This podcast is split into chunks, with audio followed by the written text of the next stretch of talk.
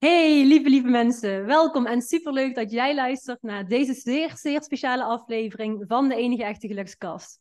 Vandaag ga ik het gesprek aan met een fantastische biohacker, gezondheidsexpert en een inspiratiebron voor velen. Hij weet ontiegelijk veel en gaat jullie gegarandeerd overladen met zijn kennis. Dus spits je oren en zorg dat je pen en papier bij, de hand hebt. Want hier is hij, Lars van den Nieuwenhof. Hey Lars, welkom. Hi Inge, bedankt voor de mooie intro. En ehm, goed advies van pen en papier. Die, eh, die moeten we erin houden. ja, dat gaan we zeker doen. Dus eh, we wachten even totdat alle mensen pen en papier voor hun neus hebben genomen. Ja, ik voel nou wel uh, meteen een flinke druk op mijn schouders. Nou, lekker ontspannen. We gaan er iets gezelligs en zeker educatiefs van maken. En dat, ehm, ja, daar kunnen we 100% op vertrouwen. Yes, daar gaan we voor, ja. Yes. Nou, stel jezelf eens eventjes voor aan de gelukskastluisteraars. Nou goed, ja, je hebt net al een mooie intro gegeven. Uh, ik ben dus uh, Lars. En ja, wat zal, wat zal ik vandaag eens vertellen? Um, ja, ja, ja, wij hebben elkaar leren ontmoeten via Instagram natuurlijk. En misschien dat het het beste is als ik, uh, als ik het daar, daarbij hou. als je naar mijn profiel gaat, dan zie je daar een aantal zinnen. En een van die zinnen is: uh, dat ik de mysterie van, of de intelligentie van moeder natuur probeer te ontrafelen. En dat is denk ik wel het meest sprekende voor, uh, voor het gesprek wat we hier gaan voeren. Want ja, daar laat ik me iedere dag door inspireren, door de natuur. Kijk, aan het oppervlakte uh, leven ons leventje en doen we misschien wel alsof we allemaal weten wat we, hier, wat we hier te doen hebben, wat we hier komen doen, wat het leven inhoudt. Maar als je daar objectief naar gaat kijken, dan hebben we natuurlijk allemaal totaal geen idee. Er zit zoveel mysterie in het leven. En dat, ja, dat fascineert mij iedere dag en dat inspireert mij ook iedere dag. Dat is ook de manier waarop ik nou, in deze niche terecht ben gekomen, tussen aanhalingstekens. Um, ik was daar vanaf jonge leeftijd al door geïnspireerd. Dat begint dan met iets wat heel dicht bij jezelf ligt, met je eigen lichaam, het menselijk lichaam, uh, de gezondheid van het lichaam. Ik heb altijd veel gesport, altijd veel bezig geweest met hoe ik die sportprestatie kon optimaliseren, hoe ik beter kon herstellen, ja, hoe, ik, hoe ik sterker kon worden, hoe ik beter kon worden in, in die sport. En later, op latere leeftijd ben ik ook geneeskunde gaan studeren, als een soort van vervolg op die fascinatie van het menselijk lichaam. En ja, in die geneeskundeopleiding word je opgeleid tot uh, arts in het ziekenhuis. Dat is iets wat mij in de loop van die opleiding ja, tegen, tegen mijn borst stuitte. Ik zag me op een gegeven moment niet meer de rest van mijn leven in het ziekenhuis staan. Ik wilde gaan kijken hoe ik ziekte kon helpen voorkomen bij mensen in plaats van het genezen. En ik wilde wel... Eh, sorry dat ik je onderbreek. En dat kantelpunt ben ik ben heel nieuwsgierig naar. Ja, dat, dat, daar vragen mensen vaker naar. Ik kan me niet echt één specifiek kantelpunt herinneren, maar er is wel altijd één voorbeeld wat ik geef. En dat, dat heb ik al, in tientallen podcasts verteld, maar ik kan er wel even een kleine resume van geven. Dat is uh, op een gegeven moment in het derde jaar van mijn studie. Uh, moesten we steeds vaker mee gaan lopen met artsen op bepaalde afdelingen. En op een gegeven moment kom ik met een arts van cardiovasculair risicomanagement in een gesprek met een patiënt. Was een vrouw van ongeveer 70 jaar. En die kwam met nou, een hele rits aan klachten. Er werd een anamnese afgenomen. Er werd gevraagd wat er allemaal gaande was. Klein lichamelijk onderzoek gedaan. En de conclusie van dat consult was dat er twee medicijnen werden toegevoegd aan de medicatielijst die al acht medicijnen telde. En ja, destijds dacht ik wel van, oh ja, nou, daar hebben we dan een half uur uh, voor gezeten. Ik ben benieuwd of dit heel veel zoden aan de dijk gaat zetten. Maar later is dat moment nog vaker teruggekomen in mijn uh, herinnering. En ben ik daar steeds anders naar gaan kijken. Want voor een deel vind ik het wel sprekend voor hoe ja, het er grotendeels aan toe gaat in de reguliere gezondheidszorg. Mm, en dat is uiteindelijk in retrospectief ook wat mij weggedreven heeft van die reguliere gezondheidszorg. Waarom ik een ander pad heb gekozen. Waarop ik wel de vrijheid had om me te gaan verdiepen in het voorkomen van ziekte in plaats van genezen, wat ik net vertelde. Maar ook uh, waarin ik naar manieren kon zoeken om echt optimale gezondheid te ervaren. Dus dat je s ochtends opstaat en dat je bruist van de energie. Dat je niet chagrijnig wakker wordt, maar dat je zin, wakker wordt met zin in de dag. Uh, dat je naar buiten gaat, een rondje loopt en dat je handen gewoon trillen van, van de energie om uh, met de dag aan de, aan de slag te gaan. Dat is iets wat ik toen al ja, regelmatig ervaarde. En ja, ik vond het eigenlijk wel bijzonder. Ik denk, dit moet iedereen toch kunnen ervaren. Als ik dit kan ervaren. Ben dan weliswaar een jonge jongen in de, in de kracht van je leven. Maar ja, waarom, waarom proberen we niet allemaal om, om deze mate van gezondheid te ervaren? Deze mate van levensenergie? Um, en waar, waarom focussen of waarom nemen we genoegen met het enkel het stukje niet ziek worden en ja, maar een beetje aanmodderen tot je 50ste, 60ste? Dat is iets wat mij toen motiveerde om, uh, om dit pad te kiezen. En ja, inmiddels zijn we een heel aantal jaar verder. Ben ik ook een heel aantal stappen verder op dat pad. En uh, het is alleen maar interessanter geworden. Wow. Ja. Ja, als jij je verhaal vertelt nu al, dan gaan bij mij heel veel um, ja, vlammetjes aan. Die gaan helemaal branden, want dan denk ik, oh yes, ja, ja. En eigenlijk die waarom vragen. Ja, waarom weet niet iedereen dit? Dat is een goede vraag. Ik denk dat het... Kijk, ook dit soort gesprekken heb ik de laatste tijd heel vaak met mensen. En het komt altijd neer op een stukje bewustzijn en een stukje zelfreflectie elke verandering begint met bewustzijn, maar ook het vermogen om je eigen gedrag, je eigen gedachten uh, te observeren en daarop te reflecteren. Ik heb ergens meerdere malen het moment gehad dat ik nou, die energie ervaarde. En dat ik ervaarde dat, uh, ik zal een paar voorbeelden noemen, uh, dat als ik gewoon netjes om half elf naar bed ging en de volgende dag netjes om zeven uur opstond en dat elke dag opnieuw deed, dat ik dan zoveel meer energie had overdag, dat ik dan zoveel scherper was uh, in de collegebanken. Uh, dat ik dan zoveel beter presteerde in de sportschool. Dat ik dacht van, oh, nou, misschien, uh, misschien is dit wel iets. En misschien zijn er nog wel meer van dit soort... Ja, je zou het al een biohack kunnen noemen. Om, om maar even een, een, een triggerwoord te noemen. Maar ja, er moet wel een bepaald moment van reflectie zijn om patronen te kunnen ontdekken en ook om te kunnen gaan beoordelen van kan ik hier iets mee? Kan dit mij ten goede komen? Uh, hoe kan ik hier meer stappen mee maken? Is dit iets wat ik wil? Dat, dat is ook, denk ik, een heel belangrijk punt. Uh, als je nooit reflecteert, als je nooit bewustzijn verplaatst naar, naar de dingen die je doet in het leven, of naar je eigen gevoel van hoe voel ik me vandaag, of hoe heb ik me deze week gevoeld. Ja, exact. Dan is het ook moeilijk om bewust te worden van ja, of je al tevreden bent met je leven. En hoe je het eventueel anders zou willen aanpakken. Dus in dat opzicht komt, begint alles met bewustzijn en zelfreflectie. En dan eh, kom je misschien met de volgende vraag. Ja, ik stel hem alvast voor je. Ja, lekker um, los uh, branden, toch? ja, hoe, hoe word je dan bewust? Of hoe begin je dan met zelfreflectie? Kijk, dat, dat is voor mij een onbeantwoorde vraag. Want als ik om me heen kijk, je ziet heel duidelijk verschil tussen mensen die wel bewust met dingen aan de slag zijn en wel zich aanzetten tot zelfreflectie. En er is ook een grote groep mensen die daar totaal niet mee bezig is en daar ook totaal geen interesse in heeft. En dan, ja, wat ik dan een hele interessante vraag vind, is wat is dan dat verschil? Ik zeg overigens niet dat dat erg is of zo. Van mij hoef je helemaal niet bewust te zijn, je hoeft helemaal niet te reflecteren, maakt mij niet uit.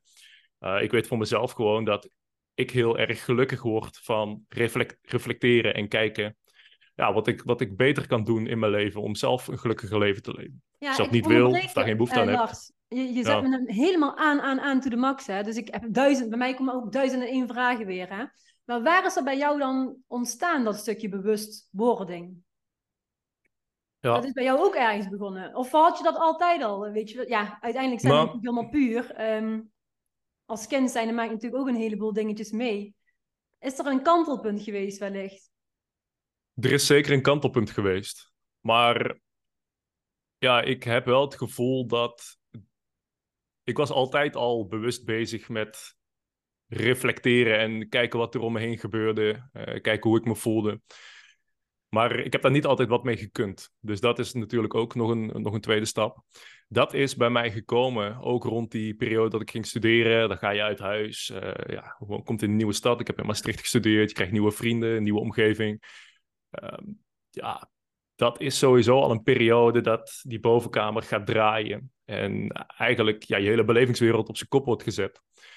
En dat is ook de periode dat ik begonnen ben aan een soort van herprogrammering van alle ja, conditionering die ik tot op dat moment had opgebouwd. Uh, ja, ik ging dus ook uit huis, weg uit mijn ouderlijk huis.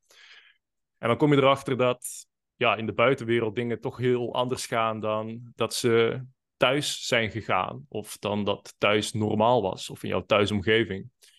En dan ga je erover nadenken. En dan kom je ook in aanraking met rolmodellen of mensen die dingen anders doen dan dat jij doet. En dat kan je aanspreken, dat kan je motiveren, dat kan je inspireren. En op die manier ben ik een aantal van die rolmodellen gaan volgen. Om te kijken ja, welke informatie en welke wijsheden en welke ervaringen zij deelden. En aan de hand daarvan heb ik mijn conditioneringen eigenlijk hergeprogrammeerd. Dus een soort van tweede opvoeding. Want dat was op dat moment, nou, zeker als ik naar terugkijk, was dat wel hard nodig. Ik was uh, ja, zo'n typisch braaf jongetje, wat nou, vooral geen mensen in de weg wilde zitten. Uh, vooral niet te veel in de spotlights wilde staan. Uh, gewoon altijd netjes deed wat hem opgedragen werd. Altijd heel hard studeerde, vooral om goede punten te halen. Altijd heel hard zijn best deed om nou ja, ehm, een idee te krijgen van hoe uh, dingen gingen in sociale situaties. Dat je andere mensen niet op de teentjes trapt. Dus dat is iets, ja, dat heb ik wel weg moeten programmeren. Of eigenlijk moeten resetten en moeten herprogrammeren. Hoe en dan? Ook niet... Hoe dan? Ja, nou, wat ik net zei. Uh, ik kan wel een voorbeeld noemen. Want destijds kwam ik in aanraking met de, de podcast van Michael Pilacic. Die ken je misschien wel. De, de leef, je mooiste, leef, de mooiste, leef je mooiste leven. Ik weet eigenlijk niet meer goed hoe ik daarmee in aanraking kwam. Dat kwam gewoon op mijn pad. Via het boek misschien? Nee, nee, nee, nee. Ik, ik heb denk ik gewoon een keer zo'n podcast toegestuurd gekregen. En ik weet nog toen ik hem voor het eerst luisterde, dat was in de trein naar Maastricht vanuit mijn, um, vanuit mijn thuisplaats. Um, en ik zette die podcast aan en ja, hij begon te praten. En ik denk, je, jeetje, wat is dit voor een uh, zijige, zijige man. Uh, het heb ik meteen weer afgezet. Maar toen, toen even later... Die, als je die stem hoort zo. Ja, wat is dit voor een engert? Maar uh, ja, toch ben ik dat weer terug gaan luisteren. En nou, ik heb toen in een hele korte tijd heb ik heel die podcastserie afgeluisterd. En dat is wel destijds een van de grootste punten van herprogrammering geweest. Waardoor ik mijn mindset gewoon totaal anders heb ingericht. En waardoor ik ook veel meer intrinsieke motivatie heb gekregen om mezelf verder te ontwikkelen. Ik ging uh, boeken lezen. Ik ging uh, cursussen volgen. Ja, destijds nog uh, dingetjes rondom ondernemen, eigen webshop bouwen, dat soort zaken. Maar het was wel het, was wel het begin van het pad waar ik nou op zit. Het was verandering. Ja. Ja, en ja, zo, zo heb ik dat stap voor stap, uh, ja, steen voor steen uh, opgebouwd opnieuw. Tot, ja, tot de persoon die ik vandaag de dag ben. Maar vandaag de dag is dat proces nog steeds in gang, in volle gang. Uh, ik heb nu ook wel eens, als ik kijk naar wat ik een jaar geleden heb gepost, of een, een, programma waaraan ik een jaar geleden mee bezig ben geweest, en ik lees dat nou terug, dan, dan zit ik in met kromme tenen en de handen in mijn haar. Dat ik denk van, oh, ik zou het al zo graag weer willen veranderen. En ik kijk daar nu eigenlijk al zo anders, anders naar, of zoveel genuanceerder. Ja, wat dat betreft gaat het echt uh, enorm snel. Ja, jij en... groeit sowieso als een raket, echt. Ja, um, zo snel. Ja, voor mijn gevoel gaat het heel snel, ja. Gaat het heel snel. En ergens is dat af en toe heel raar, maar ik zie het ook al als iets moois. Ja. Een, een, een, vriendin noemde, noemde me laatst een uh, Pokémon die, die constant evolueert. Ja, 100 procent. Een Dus mooie vergelijking heeft ze gemaakt. Ja, dat vond ik ook al grappig, ja. Hm. Ja, thanks. Ah. Ja, je deelt op Instagram deel je echt superveel over ja, allerlei interessante onderwerpen. En één daarvan is epigenetica. Ja. En kun je uitleggen wat het is? Want ik denk dat veel luisteraars uh, klapperende oortjes uh, krijgen. Ja. ja, epigenetica, dat, als je daar nog nooit van gehoord hebt, is dat natuurlijk een uh, spannende term. Het klinkt heel lastig, maar eigenlijk is het vrij eenvoudig. Of ik kan het in ieder geval op een vrij eenvoudige en begrijpbare manier uitleggen. Uh, iedereen weet wel wat genen zijn, of wat je DNA is. iedereen heeft in iedere cel van zijn lichaam een blauwdruk aan DNA. Op dat DNA staat in principe alle informatie die jij als levend wezen nodig hebt om je leven te leven. Er staan alle informatie op die jij nodig hebt, die jouw lichaam nodig heeft om zich aan te passen op jouw leefomgeving.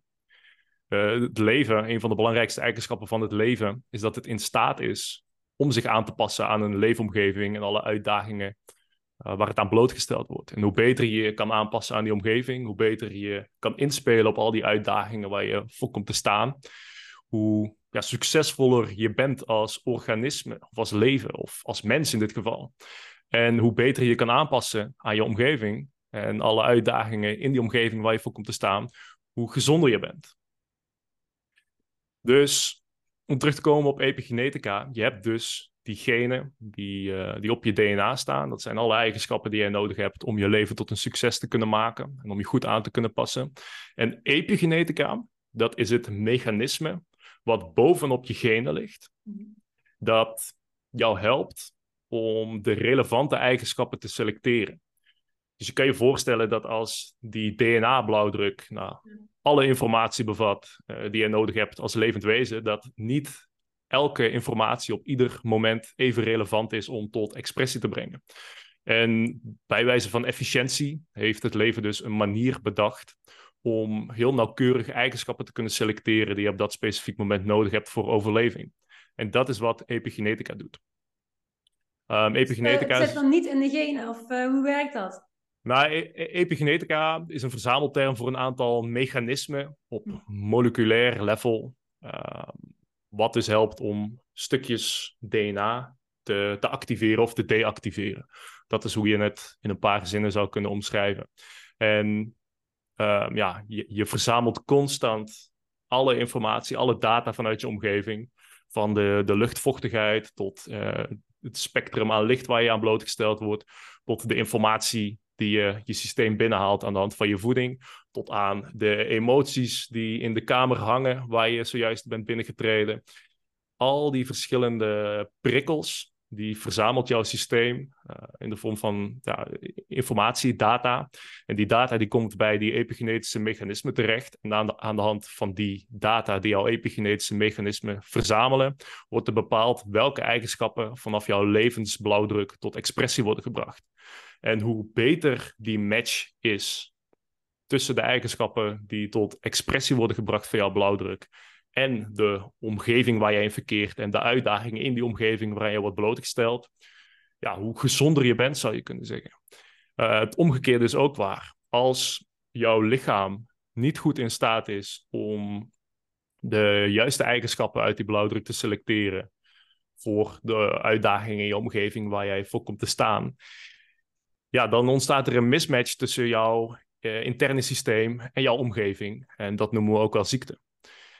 Wat je ziet met veel moderne ziekten, waar we in steeds grotere mate tegenaan lopen, is dat het puur om epigenetische mismatches gaat. Dus we hebben ons in zo'n onnatuurlijke omgeving uh, gefrommeld.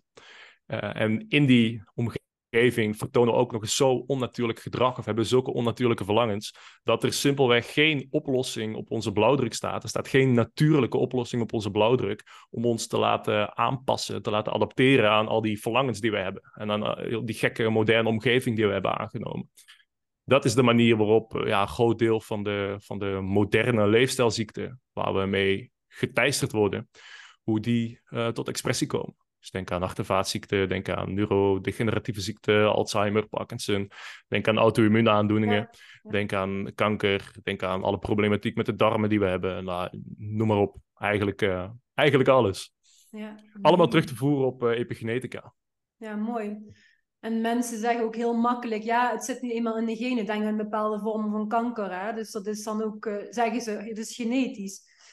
Maar het wil niet zeggen dat het tot expressie komt, toch? Exact. Kijk, dat is natuurlijk. Uh, dat is ook iets wat je nog veel hoort in de reguliere geneeskunde. Uh, ik heb dat op school ook nog moeten leren. Nou, dan krijg je een bepaald ziektebeeld waarover je moet gaan leren. Zoals bijvoorbeeld een specifieke vorm van kanker. En dan leer een aantal risicofactoren. En dan staat er altijd bovenaan die lijst van risicofactoren genetische aanleg. En het klopt ook dat, zeker met iets als kanker, dat daar specifieke ehm, genetische risicofactoren voor bestaan. Met borstkanker heb je natuurlijk de BRCA-genen die heel erg bekend zijn. Ehm, en die, die spelen ook absoluut een rol. Maar wat het interessante is aan epigenetica, dus het feit dat er bovenop die genen nog een mechanisme ligt wat bepaalt of dat die genen tot expressie komen of niet, is dat je ook in het geval van genetische aanleg eh, een zekere maat van controle hebt over of dat die aanleg tot expressie komt of dat die aanleg gewoon uh, onder het tapijt blijft, als het ware. Dus ja, dat, het verandert de kijk op gezondheid, maar ook de kijk op ziekte zo radicaal als je leert wat de impact is van epigenetica op die gezondheid. 100% um, wat je nu zegt is super interessant. Want heel veel mensen denken, ja, maar het is nu eenmaal zo. Ik heb, want jij zegt, ja, je kunt toch een stukje controle zeker wel in handen nemen. Heel veel mensen hebben dat besef helemaal niet. Inderdaad, inderdaad. En epigenetica is de sleutel tot die controle. Of beter gezegd, uh, ja, jezelf verdiepen in wat er allemaal mogelijk is op het gebied van epigenetica, kan jou helpen om die controle weer in eigen handen te nemen. Uh, ja, eerder dan dat je zegt van, nou ja, oh, ik ben nou ziek of ik, oh, ik heb nou probleem A of probleem B. En uh, nou, we kijken wel hoe het loopt. Want ik heb niet het idee dat ik zelf in de hand heb. Of de dokter zegt, nou, het is genetisch. Dus ja, het, het verandert de hele, de hele kijk op gezondheid eigenlijk, ja.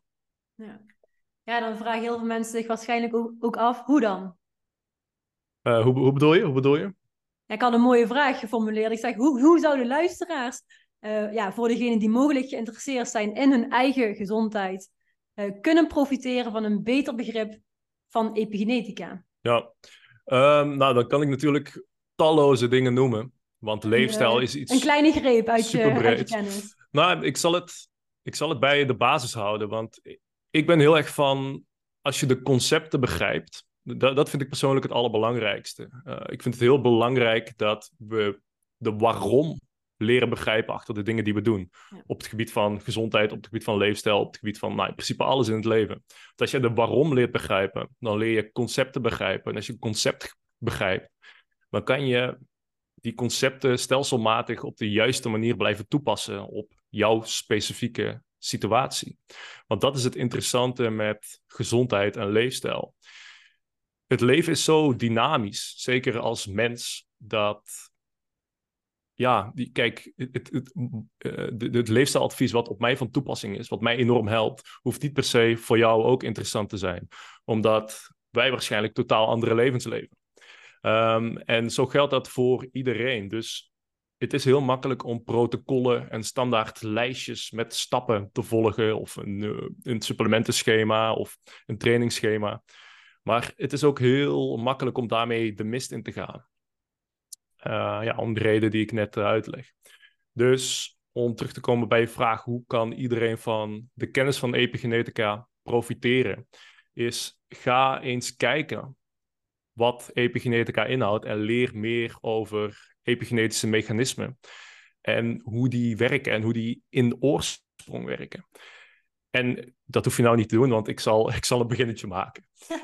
um, wat ik net al zei, is dat onze moderne omgeving of onze leefomgeving is zo radicaal veranderd de afgelopen tijd dat ja, die eigenlijk niet meer matcht met de oplossingen die op onze blauwdruk zitten. En daar zit ook meteen als je dat begrijpt, dan wordt het ook heel makkelijk om uh, epigenetisch verantwoorde leefstijltools of leefstijlhacks te adopteren. Je moet het zo zien dat nou ja, de mens die loopt al zo'n 200.000 à 300.000 jaar uh, over planeet aarde, Homo sapiens, hè, dat is dan de, de soort die wij zijn. Tegenwoordig allemaal met schoenen aan. Ja, exact. Nou, dat, dat is precies zo'n voorbeeld van een een, een, een leefstijl change die subtiel lijkt, maar als je het echt gaat ontleden tot op celniveau, uh, is het best wel een radicaal iets. En misschien dat we daar dadelijk nog even op terugkomen. Maar ja, als je gaat kijken naar hoe wij al die tijd hebben geleefd, van die twee jaar, 300.000 jaar dat wij over planeet Aarde lopen. En je gaat dat vergelijken met hoe we de laatste tientallen, honderd, honderdtallen jaren zijn gaan leven. We zijn gaan industrialiseren, we zijn uh, grotendeels binnen gaan leven. Zeker met de komst van technologie. Technologie heeft echt ervoor gezorgd dat we ons leven radicaal binnen zijn gaan leven. Omdat, nou ja, we, hebben dit gesprek via laptop. Uh, ik weet niet of je ooit geprobeerd hebt om met die laptop naar buiten te gaan. Nou, dan heb je één, vaak uh, geen bereik of geen internet. Is wat heel lastig. Twee, heb je daar het licht van de zon. Wat het redelijk lastig maakt om iets op je laptop te zien. Dus daar heb je al best wel een, een, probleem, ongemak. Um, zo zijn er nog veel meer dingen. Als je kijkt naar het hedendaags voedsel wat we tot, tot ons nemen. Maak voor de grap eens een, een, wandeling door de supermarkt en ga daar eens objectief kijken naar wat er in die schappen ligt. Nou, 95% heeft niks met het voedsel te maken wat wij van nature gewend zijn uh, om tot ons te nemen. Waarvoor we eigenlijk gemaakt zijn om dat tot ons te nemen. Uh, het voedsel wat we tot ons zouden moeten nemen, dat rent in het bos, of dat groeit aan een boom, of dat uh, trekken we uit de grond. Maar het voedsel wat we vandaag de dag eten, nou, dat is god weet waar geproduceerd in een of andere fabriek of in een of andere overdekte farm zonder daglicht. dit heeft niks te maken met een natuurlijk proces van voedselverbouwing of voedselgroei of veeteelt of wat dan ook. Dus zo zijn er nog een heel aantal voorbeelden van ja, veranderingen in onze leefstijl. Dus eigenlijk een verandering in de verzameling van omgevingsprikkels waar wij ons aan blootstellen. En een verandering van het gedrag wat wij op dagelijkse basis uh, nou ja, voldoen. Ten opzichte van wat we al die tijd al hebben gedaan. En wat we al die tijd al hebben gedaan, dat zijn nou, nou, juist die dingen waar onze genetische blauwdruk op gebaseerd is. Wat we al die tijd al hebben gedaan, dat, uh, dat is hetgene waarvoor we de, de, de oplossingen hebben op onze blauwdruk. En zeker de laatste tientallen, honderd jaren zijn we zo doorgeslagen in die modernisering en verandering van ons gedrag, dat we dingen zijn gaan doen. We zijn ons bloot gaan stellen aan, aan prikkels ja, die gewoon niet meer matchen met die blauwdruk die wij hebben. En dat is waar ongezondheid ontstaat. Wil je gezondheid hebben, dan zal je weer meer van die natuurlijke prikkels moeten terughalen. Of dat nou in voeding is, of dat nou in beweging is, of dat nou in lichtblootstelling is. Het liefst in allemaal die punten die je noemt. Ja, exact. Dus ja, dit, als je het plat slaat, dan is dit, uh, dan is dit de basis. En je merkt ook meteen, ik noemde al een paar dingen en jij zegt dat het al ja, dat het heel veel is. Het is ook heel veel. Maar ja, dat is wel de realiteit. Het is niet makkelijk. We hebben het onszelf heel moeilijk gemaakt. Het was ooit makkelijk. Maar ja, we zijn al zo, zo ver afgedreven dat het een, een grote reis is om, om terug te komen bij waar we ooit waren. En daarmee wil ik ook niet zeggen dat vroeger alles beter was. Nee, absoluut niet. Maar hoe mooi zou het zijn als we in staat zijn om onze huidige ja, belachelijke uh, toegenomen kennis in te zetten op een manier dat het beste kunnen bereiken tussen uh, nou, wat onze blauwdruk van nature te bieden heeft. En dat uh, ja, zo nauwkeurig mogelijk aansluiten op, um, op onze moderne uh, innovaties en moderne kennis en wetenschappelijke kennis, uh, daar zo goed mogelijk op aansluiten. In plaats van wat we nu doen. Nu, nu houden we totaal geen rekening met die blauwdruk op de meeste fronten. En dat is terug te zien in ja, hoe het met ons gaat. Dus over het algemeen uh, niet super goed. Dus ja, daar, eh, daar, daar zal ik het even bij laten. Ach man, ja, ik denk dat je een heleboel mensen heel erg aanzet met wat je allemaal deelt. Dus uh, ja, nu al dankjewel voor al je kennis. En de manier hoe jij het verwoordt is ook gewoon echt goud. Er is maar één iemand die dat zo kan en dat ben jij. Dat is gewoon mooi. Goed om te horen. Nou, uh, we kunnen nogal wat topics duiken. Ja, ik heb nog een heleboel uh, topics in de aan. Als je het nu al mooi vindt. Lars, jongen, oei, oei. Ik heb hier dus letterlijk nog een paar uh, dingetjes voor tussendoor. Ik heb hier een, ehm, een reep pure chocolade, want daar kun je ook wel af en toe iets over delen, toch? Ja, zeker. Nou... Even iets luchtigs voor de luisteraars. Ja. Vertel eens. Dan zeg je wat. Nou, kijk, mensen vragen wel eens uh, of ik nog wel ooit snoep Ja. Ziet er goed uit, ziet er goed uit. Want nou, ik deel dan heel veel over eh, gezondheid en alle topics waar we tot nu toe over gepraat hebben. En op een of andere manier hebben mensen nog altijd het idee dat ik zelf als een monnik leef. En dat ik nooit, eh, weet ik veel, een keer naar een feestje ga en elke dag om eh, tien uur in bed lig. Maar dat is natuurlijk niet helemaal waar. Ik geniet ook van het leven op mijn manier, met mate, met nou, de specifieke afwegingen voor mezelf. En er is één ding, ja, wat ik echt zou, zou kunnen blijven vreten. En dat is eh, pure chocolade. Eet ik ook heel veel. En dat is natuurlijk helemaal niet per se ongezond als je gewoon een goede, goede pure chocolade hebt. Welk percentage, Lars? Eh, nou, alles. Kijk, ik, ik hou van alles eh, vanaf boven de 80%. Dus Goed zo. Ja, Ja. ik zit tegenwoordig dus... Ik begon ooit op 72%, maar ik zit te- tegenwoordig op 99%. Dus letterlijk 99%. dat is wel heel puur. Dat is very bijna 100, hè? Very, very, very puur. Ja, absoluut. Mijn ja. ouders vinden het niet te eten. En ehm, ja, ik vind hem very smakelijk. Ja, ja, ja. En je moet, je daar moet is ook een beetje verschil, leren want- natuurlijk. Sorry, wat zei je? Het is als, ehm, ja, het is als een goede wijn. Die moet je, moet je leren waarderen. Ja, 100 En je moet, je moet het vooral ook niet vergelijken met, met, een, met een reguliere pure chocolade die in de supermarkt ligt, waar heel veel suiker bij zit. Het is echt een totaal ander product natuurlijk. Want ken je dit product? Ken je deze ook? Ehm Kun je zien? Vivani. Nee, die ken ik niet, nee. Ja, 99 procent. Organisch. ziet er goed uit. Uit Panama. Ik kan me er wel een idee bij vormen van hoe dat zou smaken, ja. Maar wat, wat heb jij voor eh, pure choco dan? Ehm, nou ja, ik heb natuurlijk eh Noordcoat chocolade. Die is volgens mij 85%. Ja. Dat is, eh, ja, het is trouwens, daar word ik door gesponsord. Dus eh, even een kleine Dat mag je best disclaimer. delen hier, dat mag je delen. Ja. Ehm, nou, maar die, die, die chocolade vind ik ook oprecht super lekker. ook als ze me niet zouden sponsoren, dan zou ik die heel graag eten. Die is volgens mij 85%. Dan zit ik van die nips op. Dus ja, dat, dat vind ik echt top. Vind ik top. En verder, ja, ik hou ook wel van, eh, van cacao. Echte rauwe cacao. Dat, dat heb ik nou momenteel niet in huis, maar dat is iets dat eet ik ook. Ja, dat eet ik ook gewoon zo. Of dat doe ik door een. Ja, hoe eet je dat dan? Toch niet gewoon een lepel eh, in je mond, of wel? Nou, ja, Jawel? absolu- Dat doe ik wel eens, ja. Ja, gewoon als een soort van na een, ehm, na een, eh, een, een, een maaltijd. Ja, daar eh, kan je mij wel voor porren. Ja, maar er zitten ook wel heel veel eh, goede stofjes in, toch? Absoluut, absoluut. Wil je daar nog iets over delen? Even als luchtigheid tussen- de bedrijven door. Nou, eh, ik vond het wel redelijk luchtig zo. Dus eh, nee, ik heb daar wel alles over gezegd. Goed zo, dankjewel. Nou, we gaan even over op energie. Want ja, je zit met een quantum, met een quantum gelukscoach in de gelukskast, dus dat kunnen we niet achterlaten, dat onderwerp. Nee. Wat versta jij onder energie? Oeh, dat is bijna een, een filosofische vraag. Dat zou zomaar kunnen, ja. Dus even kijken hoe ik die ga aanvliegen. Ja, kijk, je hoort mensen natuurlijk om de haverklap zeggen dat alles energie is. Dat alles trilling is. En ik begin steeds meer te beseffen dat dat ja, absoluut waar is. Maar ik kan me voorstellen dat als mensen dat horen en ze hebben daar zelf nog niet zo'n beeld bij, dat ze dan vrij snel afhaken. Ja. Dus zeker als ik het stukje energie vanuit gezondheidsperspectief wil benaderen, dan hou ik het zelf vaak wat concreter, wat natuurkundiger.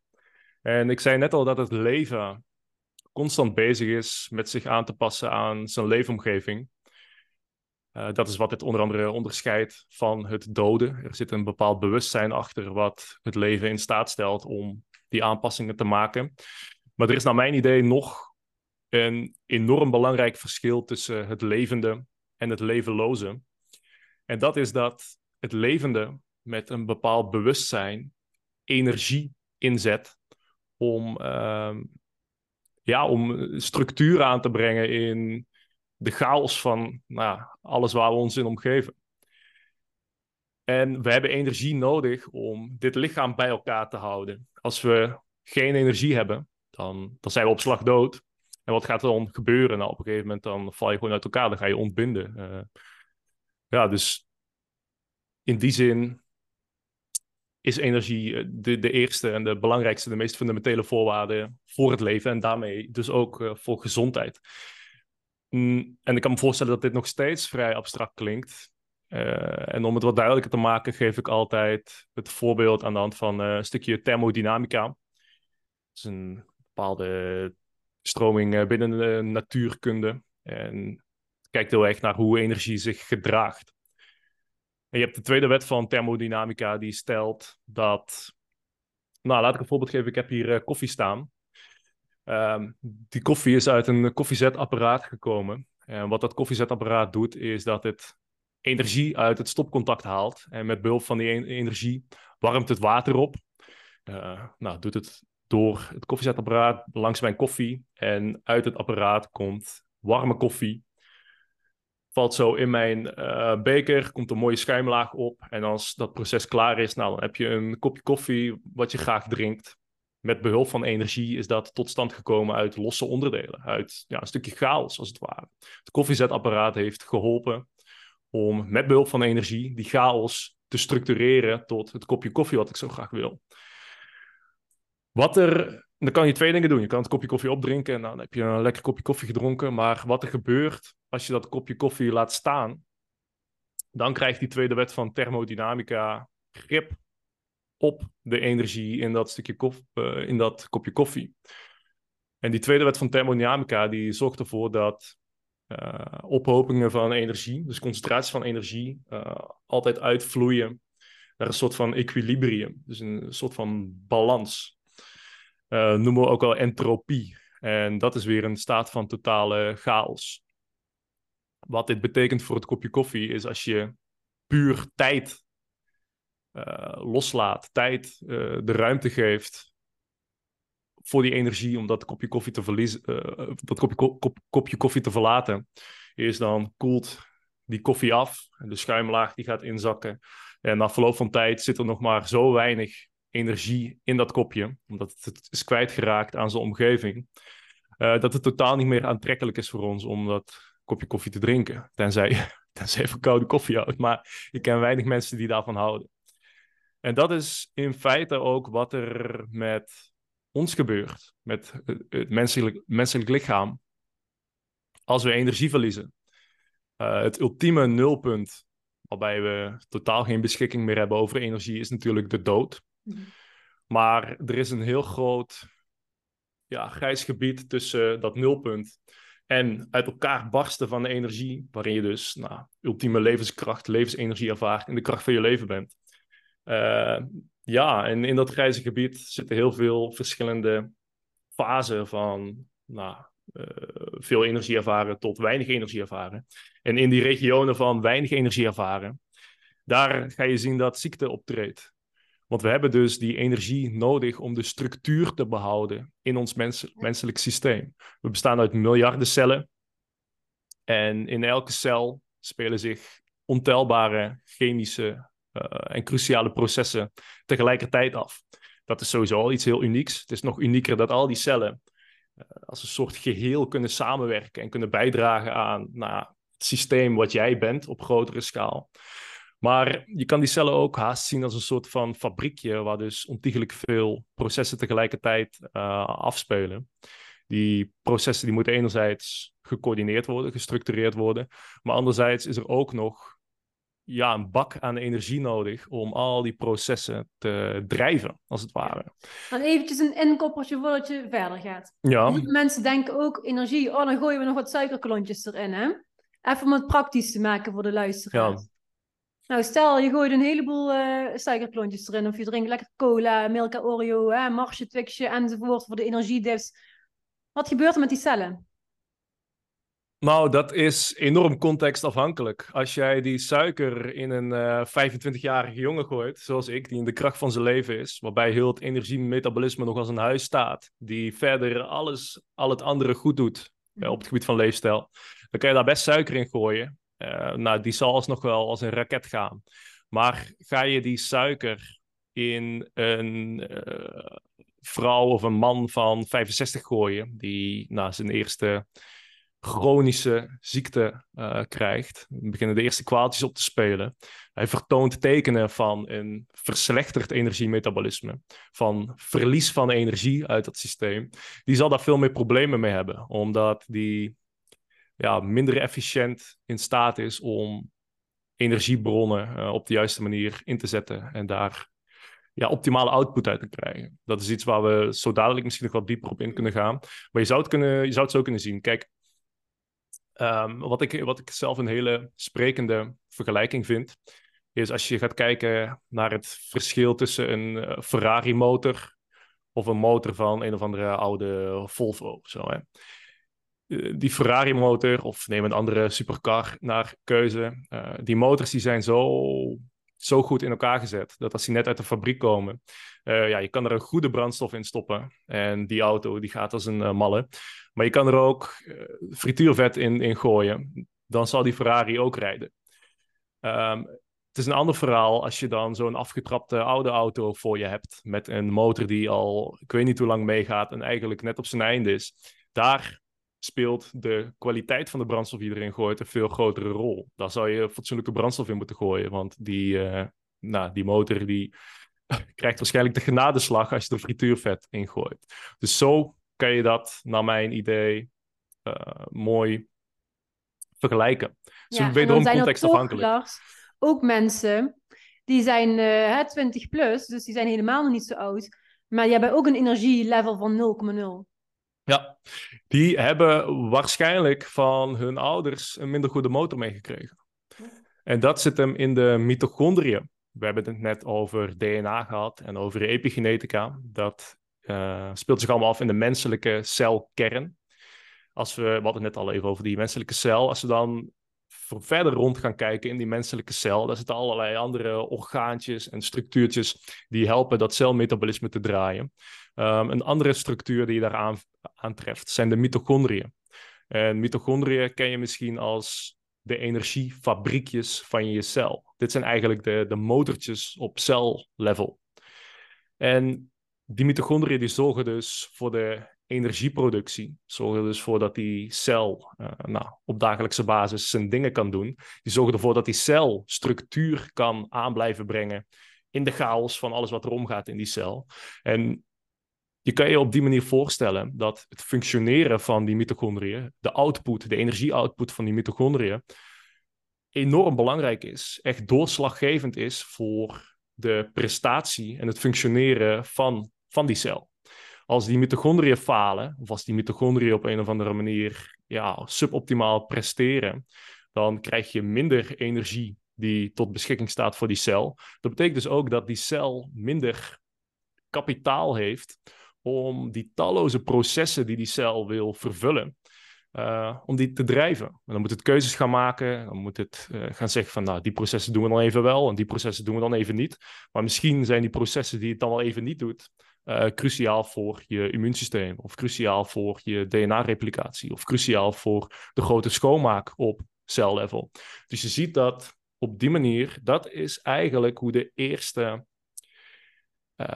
scheurtjes in de gezondheid, in jouw gezondheid op celniveau ontstaan. Dat is een gebrek aan energie. Uh, dan moet de cel keuzes gaan maken. Als een cel overstroomt met energie, omdat die mitochondriën als een malle draaien, net zoals die, uh, die motor van die Ferrari die net uit de fabriek komt, ja, dan hoeven er geen keuzes gemaakt te worden. En dan, dan, kan, je gewoon, dan kan je gewoon tot de volle max leven. En dan kan je best een keer een halve liter cola uh, naar binnen gieten. Kijk, dat is nog steeds geen optimale keuze, maar je betaalt er een veel minder grote prijs voor dan iemand die met mitochondriën zitten die al een heel leven geleefd hebben en eigenlijk op het punt staan uh, om uit elkaar te vallen. Dan zou ik absoluut niet adviseren om een halve liter cola naar binnen te gooien. Dus dat is, um, ja, dat is hoe die mitochondriën echt fundamenteel zijn in de manier waarop je gezondheid functioneert op celniveau ja, kleine uitstap even. Ik weet niet waar we precies gebleven waren. Ja, maar, maar super, super interessant en heel veel moeilijke termen, maar je probeert het wel voor de luisteraars en ook voor mij zo eenvoudig mogelijk um, in jouw woorden te formuleren. Ja, laat me weten als ik een moeilijke term gebruik, uh, waarvan ik zelf even niet door heb dat dat een hele moeilijke term is. Want ja, ik strooi hier inderdaad met woorden als mitochondriën en... Uh... Nee, het is helemaal oké. Weet je, de luisteraars kunnen het gewoon nog twee, drie keer na uh, ja, luisteren en, en aantekeningen maken. Ik bedoel, het is ook echt leren, leren, leren. En als je geïnteresseerd bent, dan doe je het werk. Absoluut. Dus, uh, dat is de strengheid in mij, maar ook de, ja, vanuit liefde nogmaals. Jij, jij deelt ook alles vanuit liefde en om een ander verder te helpen. Ja, exact. Kijk, dit, uh, ik zuig het niet allemaal uit mijn duim natuurlijk. Hè? Dus uh, daar zit bij mij ook zit daar uren en uren en uren studie aan vooraf. Ja. En ja, kijk, ik kan het wel zo vertellen, maar er zit nog zo, zoveel context achter dat ja, het helpt altijd enorm om uh, er zelf nog in te duiken. Zeker als je het op jezelf wil gaan toepassen. Ja. ja. Mooi. Ja, als mensen het hebben over of denken aan energie, dan denken ze natuurlijk ook aan een stukje spiritualiteit. Of uh, spiritualiteit, dat werd laatst het, het woord. en uh, hoe spiritueel ben jij? Boah. Nou ja, ik denk, ja, ik ben daar heel veel mee bezig met spiritualiteit, maar ik denk niet dat we daar echt voor te kiezen hebben. Ik denk dat ieder levend wezen, en zeker de mens, in de basis spiritueel is. Ik denk dat spiritualiteit aan de basis ligt van onze ervaring als mens zijn. Alleen niet iedereen is zich daar even bewust van. Um, dus ja, je kan spiritualiteit ook heel spiritueel en spiribiri en zweverig maken. Maar in de basis, waar ik aan denk bij spiritualiteit, is dat alles met elkaar samenhangt. Uh, los van tijd, los van ruimte. En ja, of je dat nou wil of niet. Uh, we hebben natuurlijk de neiging, zeker hier in het Westen, om alles heel mechanisch te bekijken. Uh, ja, dingen in absolute verbanden te zien. Actie is reactie. Newtoniaans zou je het bijna kunnen noemen. Maar ja, ik denk dat als je, als je de mysteries van het leven gaat bestuderen en die echt onder de loep neemt, dan ontkom je niet aan spiritualiteit. En dan ontkom je er niet aan dat ja, er, er misschien toch een veel dikkere laag magic onder het leven ligt dan uh, dat je zou willen. Dus ja, in die zin ben ik zelf heel spiritueel. Uh, of nou, ben ik heel spiritueel. Ik ben daar veel mee bezig en ik sta daar enorm voor open. En dat is ook een van die, ja, van die dingen die mij op dagelijkse basis fascineert in het leven en uh, inspireert in het leven. Er is zoveel te ontdekken, ook in onze binnenwereld en in onze perceptie, in onze mind, op energetisch level. Dat is minstens zo interessant als de fysieke wereld die we in het externe kunnen bestuderen en die we om ons heen kunnen bestuderen. Ja. Ja, ik ben heel nieuwsgierig hoe dat dan bij jou, ja, in zijn, zeg je hoe dat dan um, eruit ziet voor jou. Want ga je bijvoorbeeld ook wel eens in een diepe meditatie of uh, visualisatie of, of quantum jumpje wellicht? Quantum jump, dat is nieuw ja? voor mij. Geen idee, dus ik uh, ben benieuwd. Wat, wat, nee, ik, kom ik ben, je dan to the point, zeg maar? Ik ben wel benieuwd wat, uh, wat de quantum jump nu is. Dat, dat, dat is een nieuwe term voor mij. Ja, daar kom je nog wel een keer achter. Oh, oké. Okay. Anders ben ik daar uren aan lullen en dat wil ik niet.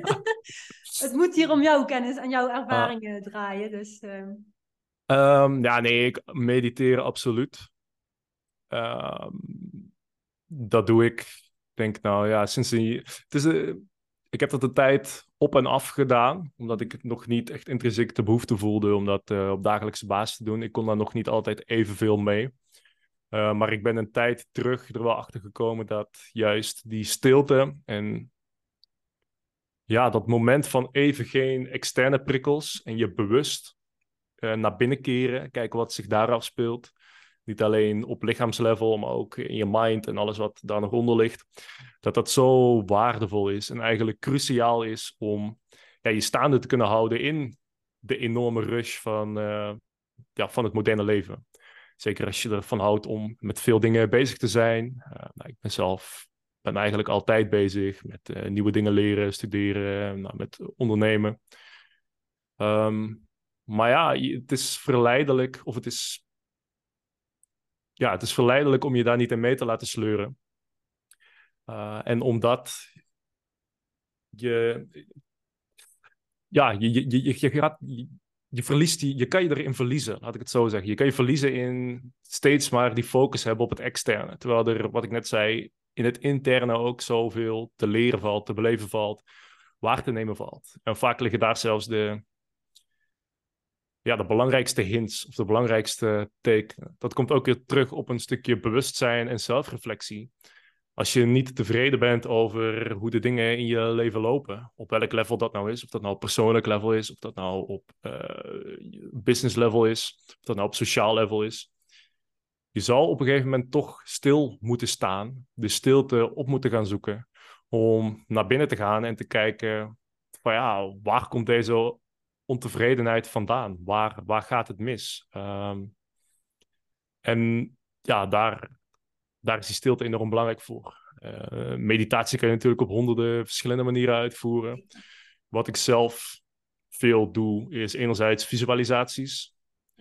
Dus ja, heel bewust bezig gaan met bepaalde dingen die je wil bereiken. Of met de persoon wie je in de toekomst wil worden. Je probeert voor te stellen hoe dat voelt, uh, hoe, hoe, dat ruikt, hoe dat klinkt. Um, dat soort zaken. Maar soms probeer ik ook bewust echt die mind uit te zetten. Die mind die, die draait nogal graag bij mij. Constant bezig met, ja, met de, de next step als het ware. Dat is iets waar we ons denk ik ook heel veel in, uh, in verliezen in het moderne leven. Uh, constant bezig met denken aan bepaalde dingen die geregeld moeten worden. Uh, constant bezig met het simuleren van situaties die mogelijkerwijs uh, via weg A of Z of B uit gaan spelen. Dus eigenlijk constant bezig, constant aan het kouwen, constant aan het draaien. En dat kan ook enorm vermoeiend zijn. Eh, die mind die kan niet constant draaien, dus dat is ook iets waar ik meditatie en stilte bewust voor opzoek. Om die mind af en toe uit te zetten. En als je die mind uitzet, je krijgt hem echt uit, dan zal je merken dat je ook open gaat staan voor ja, alternatieve input, noem ik dat. Wat staat er nog aan dan, Lars, als je mind uitstaat? Wat is dat? Wat er dan wel een soort van toch wel dingetjes uh, Ja, ik denk, ik denk dat de essentie dan de neiging heeft om naar boven te komen. En nu, nu zijn we echt uh, spiritueel aan het praten. Dan merk je dat dat, dat... Dat vind ik het mooie aan spirituele ervaringen. Vaak uh, verschijnen ze in een soort van uh, paradoxen. Uh, maar vaak zijn ze ook heel moeilijk te omschrijven in woorden. Omdat wat je op spiritueel level ervaart, dat gaat zoveel verder dan ja, de oppervlakkige realiteit waarin we ons nu bevinden.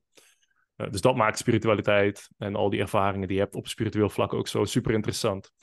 En om terug te komen op jouw vraag, wat er gebeurt als je die mind uitzet. Hmm, ik heb heel erg het gevoel. Kijk, die focus die focus op het externe uh, fungeert voor mijn idee heel erg als een soort van oogkleppen. Een soort van laser. Um, wat enorm functioneel kan zijn als je op een specifieke taak of een specifiek doel probeert te focussen. Maar het gevolg van een laserfocus is dat je alles buiten die laser niet waarneemt of niet meekrijgt. Naarmate je die mind, die laserfunctie van die mind uit kan zetten en je kan als het ware weer een open perceptie hanteren, dan krijg je veel meer mee ook vanuit verschillende aspecten en dimensies van de waarneming. Dus ja, dat is super interessant. En ik denk dat het ook voor iedereen anders werkt, of dat er voor iedereen andere dingen naar het oppervlakte komen, naarmate ze die mind, die beleving uh, open gaan zetten. En dat is ook een proces waar ik zelf momenteel echt nog uh, middenin zit en waar ik enorm op aan het verkennen ben. Met name dus door gewoon heel veel uren te maken waarin je die mind uitzet en uren te maken waarin je mediteert. Uh, maar ja, het is echt extreem interessant. Het is echt extreem interessant, ja.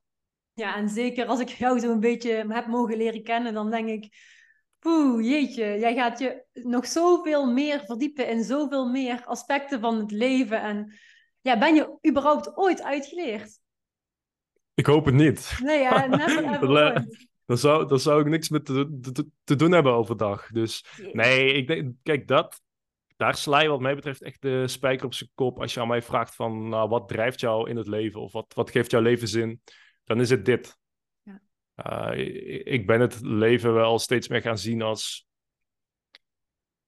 Ja, gewoon één groot, één groot raadsel, één grote mysterie. En ja, jij hebt de eer in dit ja, in deze, deze incarnatie zou je haast kunnen zeggen, om, uh, om al die mysteries te verkennen en al die, ja, al die verschillende aspecten van, van dat mysterie uh, proberen te, te ontrafelen. En dat is waar ik enorm veel voldoening en levenszin uit haal.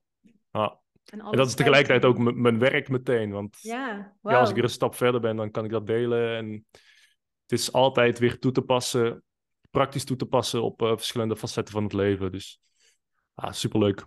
Ja, mooi. En ook hoe, ja, heel mooi en inspirerend hoe jij alles gewoon uitzoekt tot in de allerkleinste details. Je kunt zo into de diepte gaan en tot in die details treden. Wow. Ja, ja dat, dat is enerzijds dus puur uit eigen interesse. Als ik een vraag heb, dan wil ik het ook echt tot in detail begrijpen. Helemaal als je het over gezondheid hebt, dan wil ik het tot op celniveau begrijpen. Maar wat daar ook bij komt kijken, is het feit dat ik dus veel van mijn dagelijkse onderzoeksavonturen uh, deel met anderen. En daar ja, dus ook op onze community veel over deel en onze programma's veel over deel. Dat ik ook absoluut een verantwoordelijkheid voel om de dingen die ik deel tot in detail te begrijpen. Want ja, andere mensen gaan er toch mee aan de slag. En als ik het zelf al niet in detail begrijp, hoe kan ik dan zeker weten, of hoe kan ik dan weten dat uh, mensen die het overnemen, want dat, dat is wat mensen doen, zeker tegenwoordig, uh, ja, naarmate je wat meer mom momentum hebt gekregen, hoe kan ik dan weten dat zij dat op een goede manier gebruiken? Daar heb je natuurlijk nooit 100% controle over. Maar ik denk wel dat het mijn verantwoordelijkheid is om de dingen die ik deel, zeker de dingen die impact kunnen hebben op iemands gezondheid of het verloop van uh, ja, een persoonlijke ontwikkelingspad, dat ik gewoon echt heel zeker weet dat ik mijn uiterste best heb gedaan om tot, tot de bodem te gaan qua onderzoek en begrip en het, ook het ervaren van die dingen zelf. Dus daar ben ik wel, uh, ben ik wel heel bewust mee bezig, ja. Ja, ik denk dat dat ook supergoed is en dat jou dat ook onderscheidt van velen. Hè? Dus dat is mooi. Ja, er gaat natuurlijk heel veel rond, zeker op social media. 100%. Um, ehm, kijk, de niche waar wij in zitten, die is heel hot op het moment. Mm. En zodra iets populair wordt, of zodra iets momentum vangt, dan heeft dat ook bijna altijd als gevolg dat, ja, dat er gewoon heel veel troep en rommel en uh, ruis bij komt kijken. En een dat is denk supermarkt, ik... uh, Lars. Ja, exact. Ja, ik zei dat 95% van de producten in de supermarkt rommel was. Ik hoop dat dat in onze niche uh, niet zo'n hoog percentage is, maar... Dat hoop ik ook niet. Nee, dat zou wel treurig zijn. Uh, ja, ik denk dat, dat de meeste mensen er echt wel met goede intenties in zitten. Maar um, ja, ik denk aan de andere kant ook zeker dat niet iedereen er met evenveel dedication in zit als, uh, als ik zelf, zonder mezelf op de schouder te kloppen. Maar wat ik zeg, dit is wel echt een van de dingen waar ik heel bewust mee bezig ben. Ja. Omdat ik begrijp dat de impact gewoon zo groot kan zijn. Ja, mooi. Thanks hey, en nu eventjes weer een, eh, beetje luchtigheid uh, in deze gelukskast. Want er is heel veel al ja, door jou nogmaals gedeeld. En ja, ook dit is wel interessant om te vragen. Um, als je s morgens uh, wakker wordt, allereerst, is er überhaupt een wekker in het spel? Of, um... Vaak niet. Meestal niet. niet. Nee, nee, nee, nee. Nee, tenzij ik echt vroeg uit de veren moet. En zeker wil weten dat ik op een bepaald tijdstip wakker word. Maar ja, ik ben een man van het ritme. En uh, meestal word ik gewoon tussen zeven en half acht uit mezelf wakker. Zonder dat daar een wekker bij uh, te pas komt. En dat is ook mede mogelijk, ja, omdat ik dus zo strak in dat ritme zit. Ja. Uh, S'avonds oppas met lichtblootstelling, niet te laat sport. Of tenminste, ik ben nou wel gaan boksen recent. Dat, dat is wat later dan, dan me lief is. Ik merk ook wel dat dat soms ervoor zorgt dat ik wat uit mijn ritme schiet. Dus dat is wel Dan meteen niet in de ochtend ergens, op een, uh, een weekend of zo? Uh, dan zou ik naar een andere bokschool moeten gaan zoeken. En dat ga ik waarschijnlijk ook doen, zeker voor de winterperiode, wanneer het steeds vroeger um, donker wordt. Ja, je staat daar toch laat in de avond uh, echt met zulke TL-lichten. Sta je ja, de long uit je lijf te mappen. En dat is niet bevorderlijk voor je slaap. Uh, ja, je blijft toch enorm actief. Enerzijds door, door het sporten, door het intensief sporten. Maar anderzijds ook door het licht, ja. Dat licht, ja, zodra onze ogen licht zien, zodra onze huid licht ziet, dan denkt het dat het overdag is. Want het enige licht wat er van oudsher is, is het licht van de zon. En dan heb je natuurlijk nog houtvuur, maar dat is veel lager intens licht. Ehm, ja, als de zon op is, dan hebben we grote beschikbaarheid aan fel, intens licht.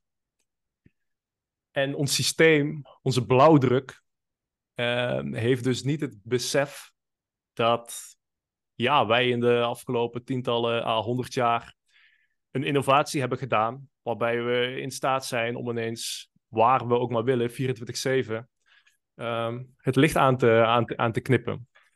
Dus dat begrijpt ons systeem niet. En dat is een van de redenen dat je eigenlijk enorm wil oppassen met kunstlicht na zonsondergang. Ja, en dat is ook een van de redenen waarom ik uh, dit nou zo specifiek uitlicht met, uh, met dat boksen. En waarom ik daar eigenlijk ook wel, uh, waarom ik daar niet helemaal relaxed onder ben. En waarom ik op zoek ben naar, ja. naar een andere manier om toch lekker te kunnen boksen. Want ja, ja, ik Heb ik wel het toch serieus gemaakt, eh. hè? Jij, jij wilde een luchtig topic. Nee al, ik ben nog lang niet klaar met, eh, met eh, dit, hè. Maar ik had het zelf ook op de tennisbaan. Ik ben sowieso een soort van allergisch voor kunstlicht. Ik ehm, heb er vaker migraineaanvallen door gekregen eh, Ja. in mijn jongere jaren. Dus serieus, ehm, ik snap wat je bedoelt. Ja. Ja, en terwijl we dit gesprek voeren, heb ik ook gewoon een ringlight eh, op mijn Ja. kop schijnen, zodat eh, jij mij goed kan zien. Het is hier een vrij donkere kamer. ja. En ja, dat doe ik ook niet met een 100% gerust hart, want ik weet gewoon wat de impact is van licht op gezondheid. Eh, licht is natuurlijk, als we aan gezondheid denken, hebben we het vaak over eh, voeding en beweging. Dat zijn hele tastbare dingen. Dat begrijpen we beter, dat kunnen we vastpakken. Ja. Maar licht is iets vrij abstracts. Licht kunnen we niet vastpakken, we kunnen het wel zien. Het meeste licht. Ehm, maar ja, dat maakt de stap eh, lastiger om te beseffen dat dat licht, wat je niet kan vastpakken, wel degelijk enorme impact heeft op onze gezondheid. En